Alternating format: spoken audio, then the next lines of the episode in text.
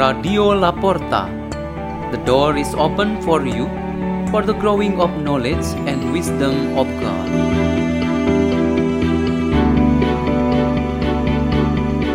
by Peter Tukan SDB, priest of the Salesians of Don Bosco.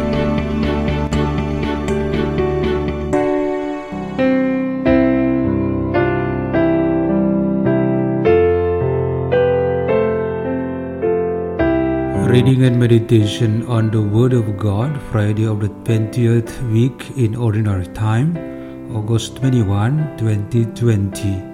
Memorial of Saint Pius X.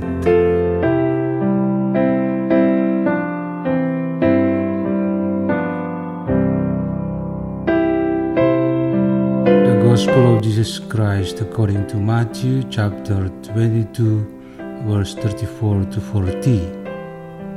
When the Pharisees heard that Jesus had silenced the Sadducees, they gathered together, and one of them, a scholar of the law, tested him by asking, Teacher, which commandment in the law is the greatest? He said to them, You shall love the Lord your God with all your heart, with all your soul, and with all your mind.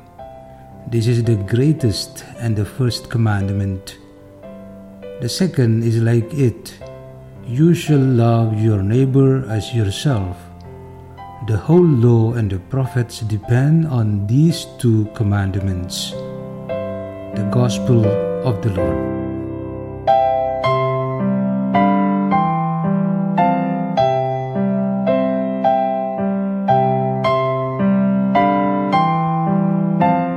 The theme for our meditation today is the secret of love. There was a young couple who has been dating for three years and they did not reveal to anyone about their relationship. They kept it as a secret. People might have seen them sometimes by chance, but they didn't know exactly their secret love relationship. The fact that they managed to keep it secret was something that they worked it out together. They had their own way to make it remain secret. There is another story. It was an affair about a husband who worked in an office where he was among many women as his office mates. His wife and children at home did not really notice any signs of forbidden love or adultery, as the husband already engaged in a deep relationship with one of those women. This adultery has been tightly wrapped for certain years, and none from the family could not even trace any smell of it. The husband and his woman somehow managed to keep secret their illicit relationship.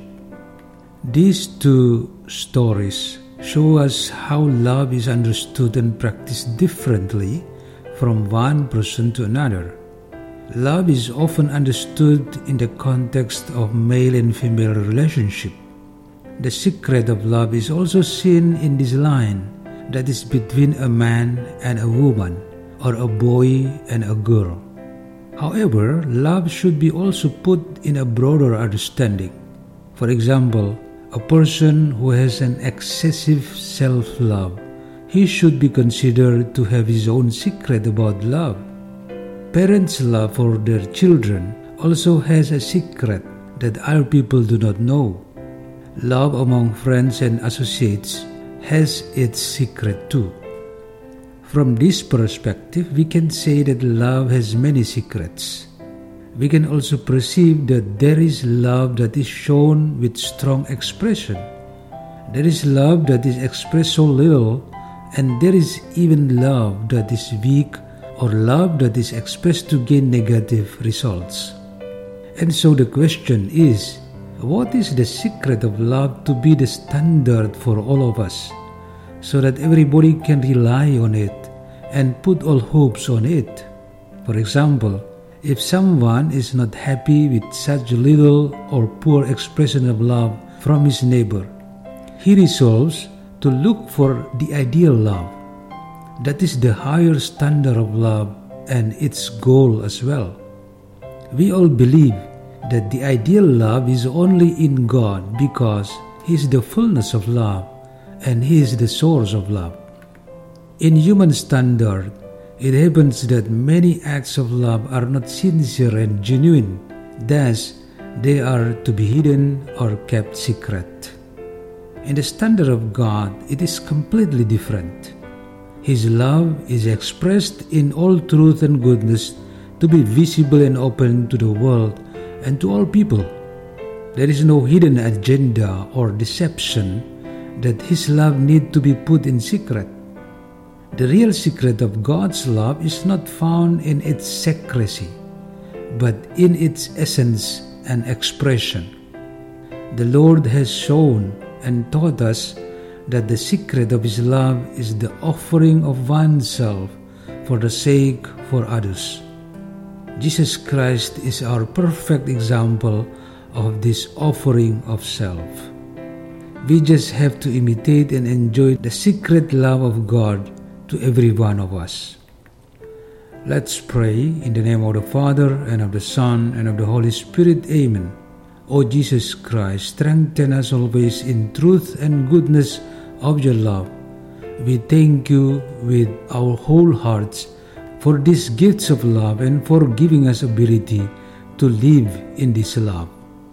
Glory to the Father, and to the Son, and to the Holy Spirit, as it was in the beginning, is now, and will be forever. Amen. In the name of the Father, and of the Son, and of the Holy Spirit. Amen. Radio La Porta. The door is open for you.